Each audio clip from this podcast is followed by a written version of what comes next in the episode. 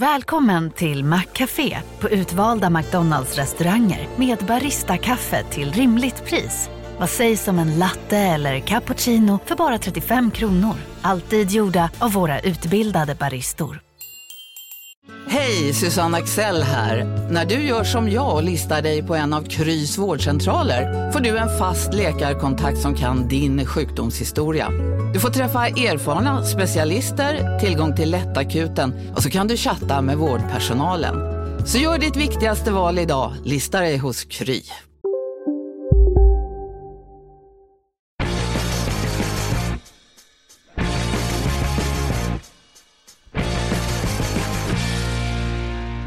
Äntligen torsdag, äntligen september och äntligen de kallar oss krypto. Podden som varje vecka täcker det senaste som hänt inom kryptovärlden och som dessutom alltid har med oss en gäst. Så även idag. Vem det är, det får ni reda på alldeles strax. Eh, Jag som pratar heter Mårten Andersson och vid min sida min sidekick ekonomijournalisten Gunnar Harrius. Hej Mårten, hur är läget? Bra. Vad tror du att bitcoin står i idag? Uh, 40 000.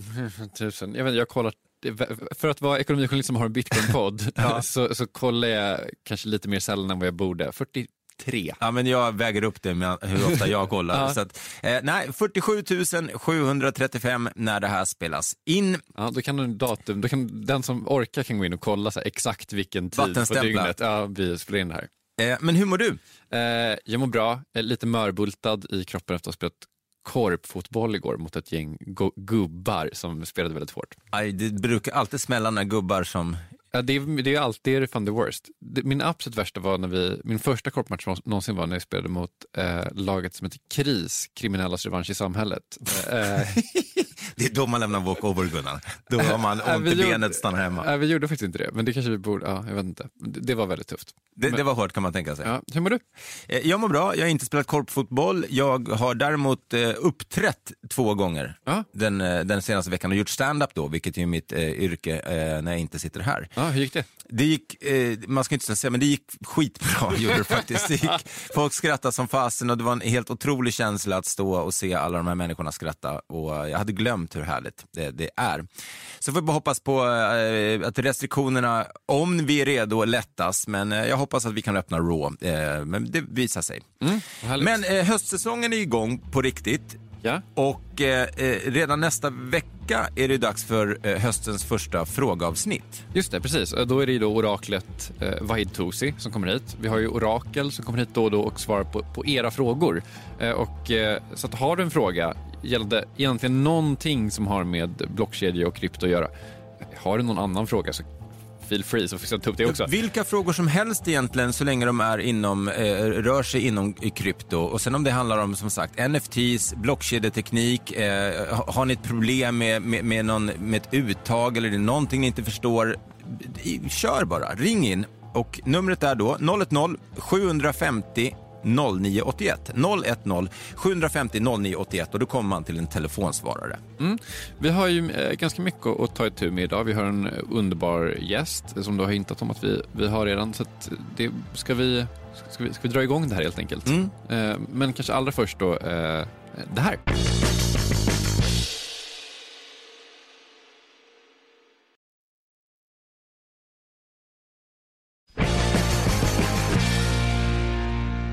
Mårten, förra veckan när vi hade Melton the Mirrors här så körde vi faktiskt inget nyhetssvep. Så att, eh, vi, har mycket att ta igen, Ja. eh, känner jag. Så det är bara svep undan fötterna på mig. Ja, det ska bli ett sant nöje. Eh, musik tack. Kortföretaget Visa har gett sig in i NFT, alltså Non-Fungible Tokens, som vi så ofta återkommer till här i podden. Digitala konstverk, eh, samlarkort och massa annat som finns på blockkedjor. Och kortjätten Visa köpte i förra veckan en CryptoPunk, en pixlig samlarbild av en kvinna, eh, var det de valde, med mohikanfrisyr. Och för det här betalade då Visa med eh, ETH till ett värde av 150 000 dollar. They're some of the oldest NFTs out there. They date back to 2017. There are only 10,000 in existence. All of them are different. They're very simple, almost chunky, you could say. They're 24 by 24 pixels. One recently sold uh, at auction at Sotheby's, the big auction house, for $11 million. Visas blockkedjechef Kai Sheffield sa att företaget gjorde köpet för att förstå hur infrastrukturen kring NFT-köp fungerar. Och just NFT väcker enormt intresse just nu på flera håll i världen. Amerikanska serietidningsföretaget Marvel kommer inom kort ge sig in i gamet och släppa Captain America-statyer som NFTs och NFT-versioner av klassiska serietidningar som första numret av Spiderman. I andra änden av finkulturspektrat kommer Emeritaget i Sankt Petersburg, ett av världens främsta konstmuseer, eh, i veckan att hålla en NFT-aktion. NFT-versioner av verk gjorda av bland andra Claude Monet, Vincent van Gogh och Leonardo da Vinci kommer att finnas med i aktionen. Tidigare under året så rapporterade de kallar oss krypto om kinesiska bitcoin-miners som tvingades lämna landet efter att fler och fler regioner förbjudit mining. Nu verkar det dock som att de flesta miningmaskinerna är back in business. Ja, och hur vet man då det här? Jo, ungefär var fjortonde dag så anpassas svårighetsgraden på de ekvationer som miners ska lösa för att validera ett block på bitcoins blockkedja. Ju fler det som minar, desto svårare är ekvationen. Och nu är svårighetsgraden uppe på nästan samma nivå som det var innan sommarens stora tapp, som då föregicks av de kinesiska miningförbuden. Avgifterna för att göra transaktioner på ethereum-nätverket har ökat med 153 procent på en dryg vecka. Nätverk har haft problem med buggar den senaste tiden, vilket lett till höga priser. 30 dollar ungefär har det kostat att göra en enda ETH-transaktion i veckan och på NFT-plattformen OpenSea, som ligger på ethereums blockkedja, kostade det i helgen så mycket som 2000 dollar att överföra bilder. Många hoppas nu att ethereum 2.0-uppdateringen som det pratats om länge ska lösa de här problemen med de höga transaktionskostnaderna.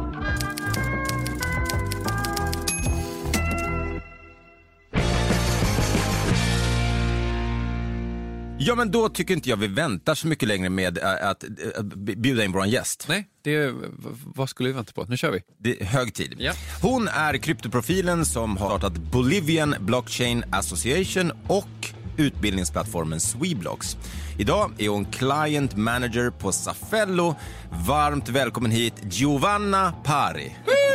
Tackar, tackar. Mer känd som Gina kanske? Ja, exakt. Det, det, var lite svårt att uttala mitt namn när jag kom till Sverige så att det blev Gina. Ja. Men det, det, det, andas ju liksom Hollywood.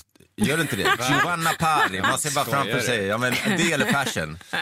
När jag gjorde research på dig för att skriva det här introt så bara så här, men det här kan inte stämma. Hon kan inte ha gjort alla de här grejerna. Stämde allt som vi presenterar dig med nu? Ja, det gör ju det. Otroligt. Om jag ska börja med mitt techintresse, för det, det var väldigt, väldigt tidigt. Jag mm. skrev mm. eh, lite MS-DOS när jag skulle eh, göra en egen inbjudan när jag var ungefär 12-13 år. Jag tyckte alltid att det var kul med teknologi.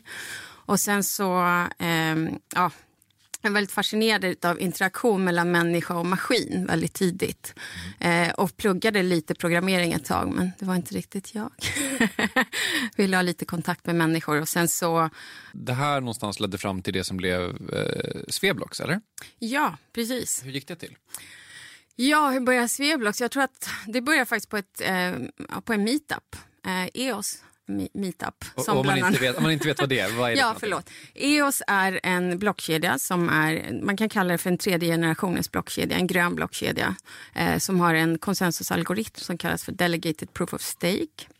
Eh, och första blocket, då, Genesis-blocket, minades, eller ja, skapades i Västerås i Sverige. ja, så att, eh, jag var med i en grupp på Facebook eh, och i den här gruppen så var det alltid en tjej som svarade på massa saker och jag svarade lite. Så tänkte jag så här, men hon verkar ju vara ganska insatt och, och kunnig. Och sen efter flera veckor så kom det ett event och då var det på Norsen Chow och då skulle EOS då bjuda in tillsammans med den här gruppen som heter Kryptogaris så skulle de bjuda in till ett event. Så jag gick dit med, en bekant som också jobbar inom ja, blockchain. Eh, så stod vi där och Wahid, eh, som, som jag också kände. Var han där också? Såklart. var där och ställde Wahid. lite frågor. Han är fan överallt. Wahid Tosi, legend. Så det, var, det var lite kul. Och, eh, och sen så, så märkte jag, men gud, det är ju den här tjejen. Det är ju precis hon som skriver de här kommentarerna och svarar och skickar tips. Liksom. Så jag gick fram till henne och så började vi prata och sen så märkte jag att ja, men hon har ju en Youtube-kanal, Kryptonista, gud kul, det måste jag kolla på. Och då hade jag ju redan satt igång Bolivian Blockchain och, och, och visade henne liksom, det här är det jag vill göra. I mitt, mitt hemland så är det förbjudet med krypto. Jag tycker det är väldigt intressant. Och I och med att jag har gått in och tittat på statistik på Coindance och liksom verkligen kikat på olika saker så jag har sett att det finns otroligt få kvinnor som är involverade inom krypto, både som investerare, utvecklare och så vidare. Eh, och sen några veckor efter det så, så tänkte jag måste göra någonting. Eh, och då skrev jag ner en liten ja, ett litet A4, en liten agenda då som jag faktiskt delade. Ett white paper. Exakt. Bokstavligen. Ett white paper för Sweblox. Yeah. Skulle revolutionera världen.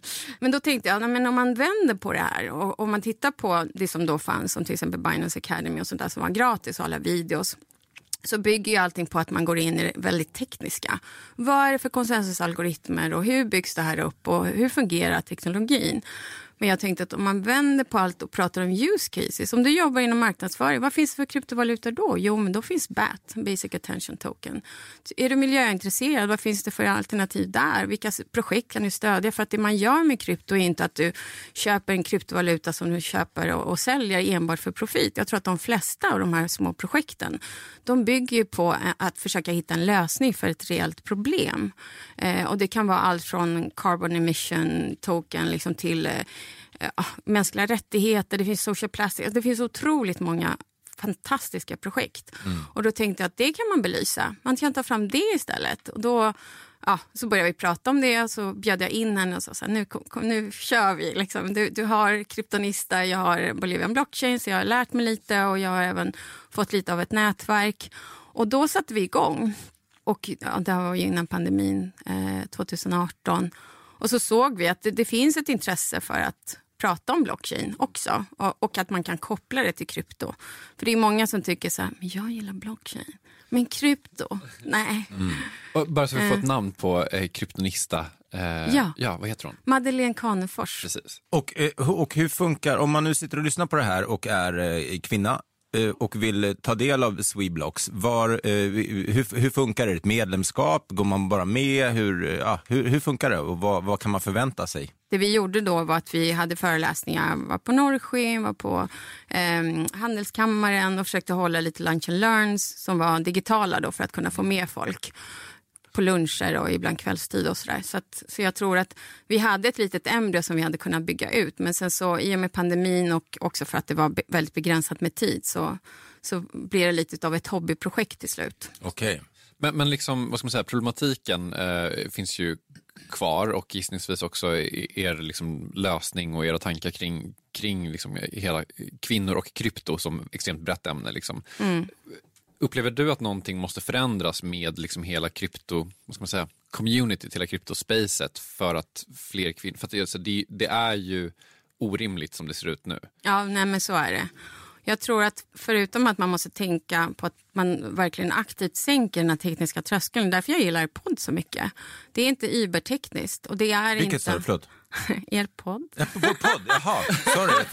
Jag, jag, jag, jag, jag fick inte ihop begreppet podd. Okej, okay.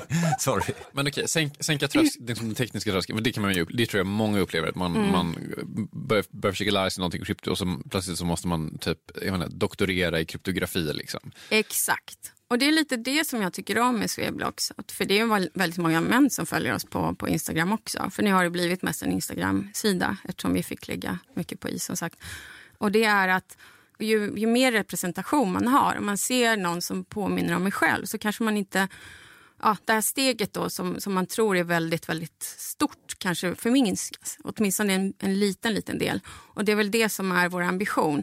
Det är inte att skapa någonting som kan ersätta konglomerat vad gäller utbildning, utan det är mer att här, vi finns här, alla frågor är bra frågor har du plånboksfrågor, ställ dem. Har du mer tekniska frågor du vill kika på, vad finns det för NFT-standarder? Hur skapar man NFT? Så har vi den kunskapen och vi lär oss på vägen också. Vi lär oss tillsammans. Mm. Och det konceptet tror jag skulle fungera ganska bra om man hade en annan typ av infrastruktur som vi inte riktigt hade då.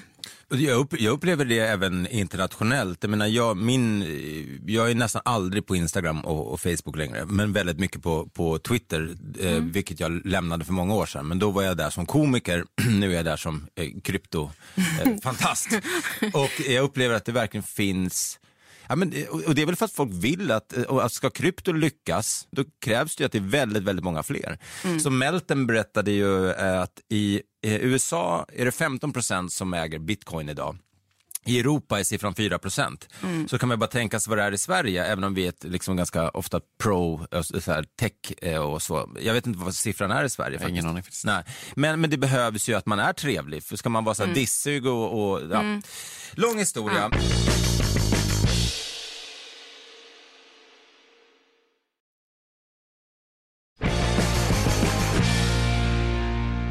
Nej, men så här, jag tänker om man ska gå tillbaka lite till, till, eh, till din historia Gina. Mm. Så här, eh, det känns som eh, jag råkade föregå den lite när jag började fråga om, om Sveblox. Eh, för det känns som vi hoppade över det här med eh, Bolivia Blockchain Association. Va, vad är det för någonting och hur, hur kom det till?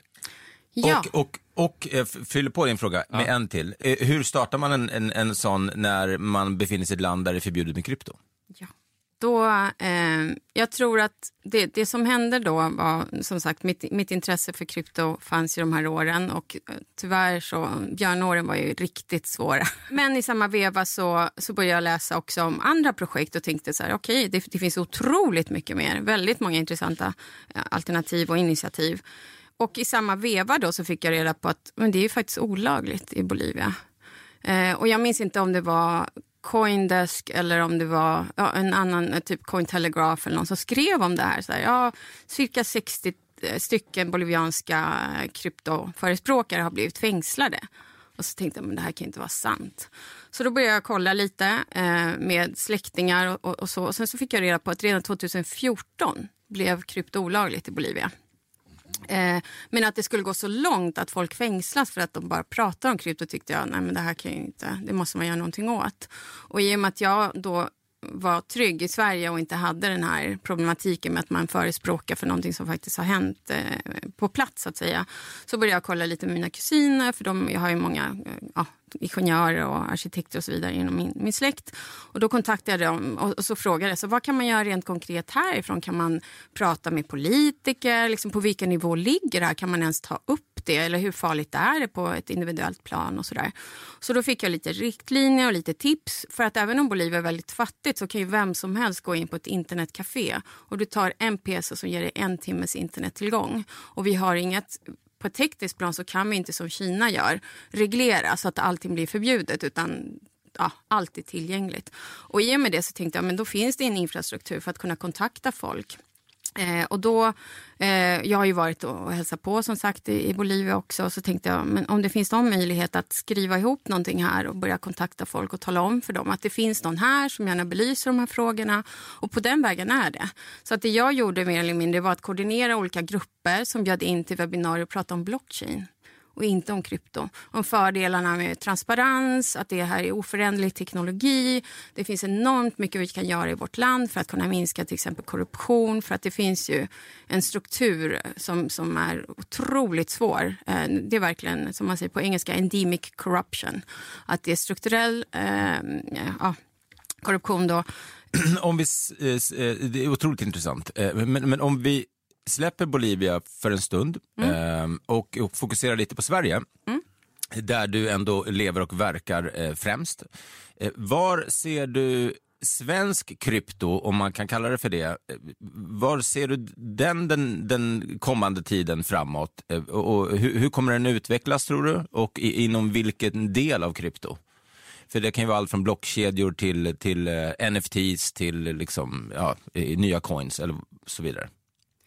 Eh, jag tror, om man tänker på NFTs, där det händer väldigt mycket just nu i och med att Visa har köpt eh, CryptoPunk och, och Budweiser och så vidare, så tror jag att det, det, det, kommer nog att vara den här låga tröskeln som jag pratade om tidigare.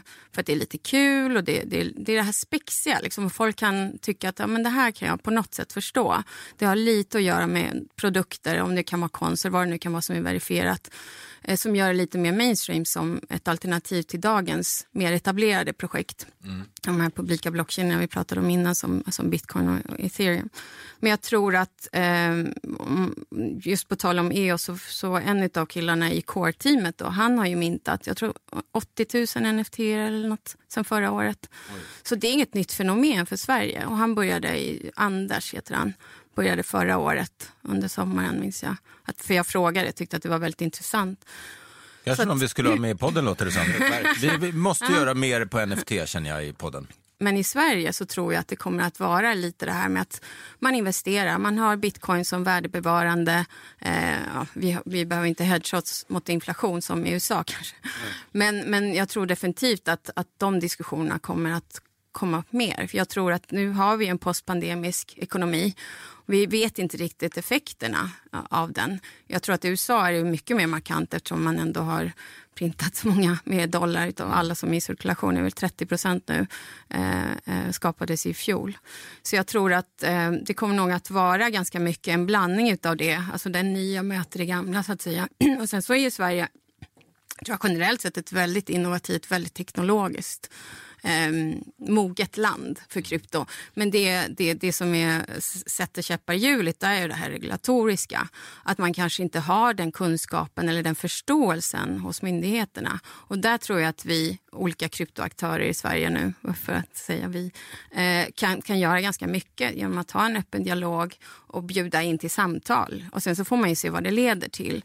Men det, det tror jag liksom att, eh, det försöker vi göra i alla fall. Att mm. man ta, ta tag i det och kanske är lite mer proaktiv. Men det är klart att allt tar ju sitt... Ja, det tar ju ett väldigt lång tid att föra den typen av diskussioner. Sen så tror jag också att media tyvärr, no offense,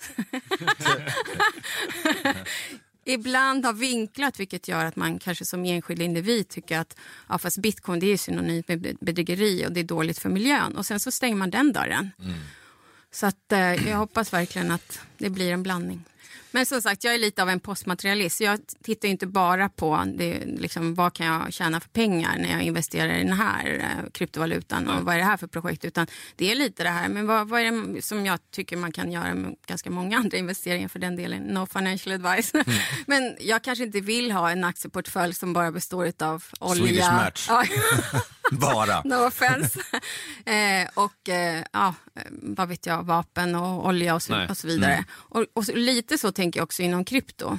Eh, och sen så vet jag att det finns ju ganska säkert många projekt som inte jag känner till som kanske är under bearbetning idag. Eh, men ja, det, det händer mycket i, i hela världen tror jag. Och just det här året är så intressant för jag tänker på om man tittar tillbaka på hur det var 2018 med hela ICO-träsket, eh, om man nu kan kalla det för det. Att det var, så mång, det var så mycket pengar som kom i krypto. Det var den här enorma förhoppningen om att alla white papers, det var ingen copy-paste utan det var gedigna projekt med bra team och så.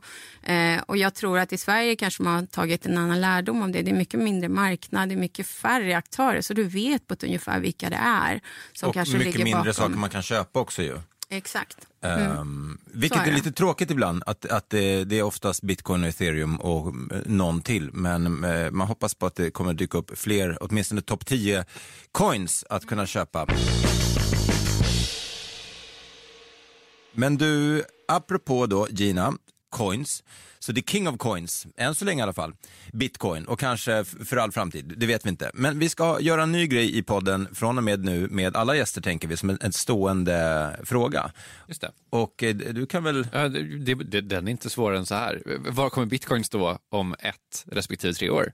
Och vi kommer inte hålla dig särskilt ansvarig för det här. Men kanske att vi kommer göra någon slags topplista på om tre år, vem som träffade äh, ja, ja, mest det är kul ju. Ja. Eh, jag tänker på totala marknadsvärde för guld idag, mm. drygt 10 biljoner. Eh, och så tänker vi på alla bitcoin i omlopp, 18, nästan 18,7. Och så har vi allt minat 2140, 21 miljoner och då delar man, tycker jag. För det, för det är väl ungefär det som många har pratat om att det är digitalt guld. Så jag skulle ligga på ungefär 500 000 om tre år, 500 000 dollar. Mm. Och om ett år, oj, ja, det är mycket som har hänt gångna året bara. Så att 150 kanske. Oj. Väldigt konservativt tycker jag ändå. Oj, det var konservativt? Ja, jag tycker det. Om en ett tredubbling år. av vad den står på idag? Ja, för om man tänker på vad det stod i november förra året på 12 000 så har det ju skett en ganska intressant utveckling. Jag måste då eh, fl- flika in här, Eh, tack så mycket för övrigt eh, för din prediction. Men det här är jag följer ju en, eh, nu tog jag en liten paus från, eh, från krypto på, över sommaren, men nu är jag tillbaka och har börjat kolla igen på, eh, på Crypto Banter. Jag har sagt det förut, jag, jag säger det igen, eh, jag tycker det är en fantastisk show. Man behöver inte hålla på och trada och tycka att Sheldon the Sniper är coolast i världen. Men Ran Neuer är, alltså, han kan så mycket, jag är sjukt imponerad av honom. Eh, I gårdagens avsnitt, eh, nu när det här sänds då så kanske det är tre, fyra dagar sedan, men då tog han bland annat upp en tweet från en on-chain analytiker som heter Will Clemente apropå just bitcoinpriset. Eh, och det här kom ut i juni, när, alltså redan före kraschen, så eh, när vi var nere på, snuddade på 29 000, 28 000 dollar tror jag, på, per bitcoin. Eh, så sa han att den i augusti kommer stänga på 47 000. Och när vi spelar in idag så står den i 47 148. Han är 148 dollar fel. Det han säger då eh, kring sin modell som kallas för S2F-modellen, eh, och det här är alltså worst case scenario. Då säger han att i eh, augusti, där vi precis har stängt, eh, 47 000 eh, för bitcoin. Eh, september 43 000 stängning. Och, eh, och det handlar ju då om altcoin season eh, som just nu pågår. Att eh, det, altcoins håller på att explodera. Det är bara att kolla på vissa projekt som Solana, Airweave, eh, Luna och, och det finns mängder Cardano som håller på att explodera. Eh, men sen då kommer återigen då bitcoin, det riktas tillbaka enligt den här modellen. Oktober stängning 63 000, november 98 000 och eh, stängning i december 135 000 dollar.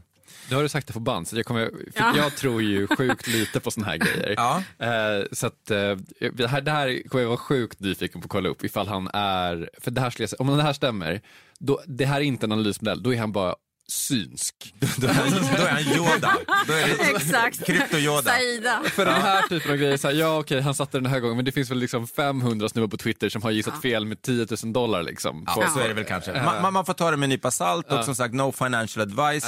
Eh, jag pratade med Wahid Tosi för övrigt. Han håller fortfarande fast vid 168 000 dollar för Ja. bitcoin vid årets slut. Det har han sagt redan sedan när jag gick in för ett år sedan. Ja men Wahid är den enda vi litar på, eller jag litar på i alla fall. Ja, men så någonstans däremellan vore väl trevligt. Ja. Eh, något som, eh, annat som har varit väldigt trevligt jag har varit att ha dig här. Eh, eh, eh, Gina Pari, alltså, vilken enorm kunskap du har. Ja, tack. Eh, vill du tillägga någonting? Vill du tipsa om någon gäst vi kan ta hit? Ja, för det första så vill jag bara tacka för att jag fick vara med. Jag tycker det är otroligt kul och jag gillar verkligen den här podden. Eh, för att ni sänker den här tröskeln som vi pratade om innan.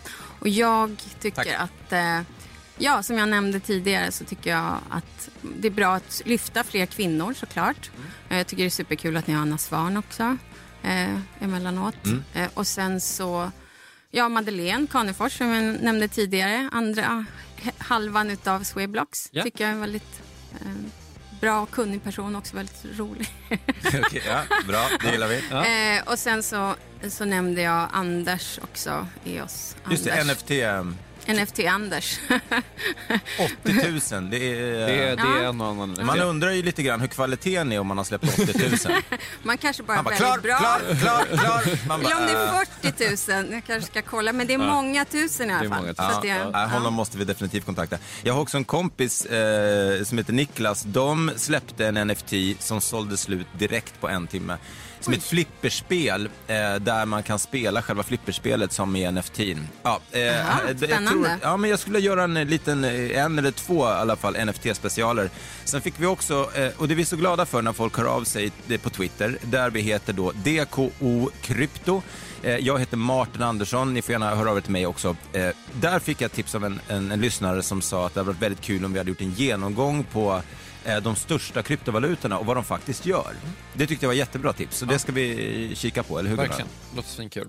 Um, ska vi säga att nästa vecka kommer Wahid Toose hit, Det är nämnd i den här podden redan några gånger.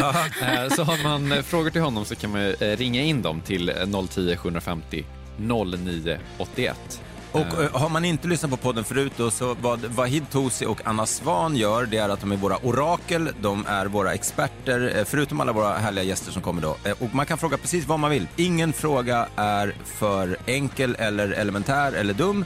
Eller för svår, Eller tror för jag. svår, tror jag. Precis. Eh, Så man ringer då in till vår telefonsvarare och blir det inte bra och man känner att man gjorde bort sig kan man bara ringa igen. Vi tar ju inte de dåliga samtalen. Nej, vi är schyssta. Och det är 010 750 0981. Det står nog i den här avsnittsbeskrivningen också, skulle jag tro. Ja. Om jag kommer ihåg att lägga in det. Ännu en gång, Gina Pari, tack så hemskt mycket för besöket och på återseende. Ja, det Stort tack. hoppas jag. Ja, och lycka till med allt. Tack, tack. Ciao! Hej!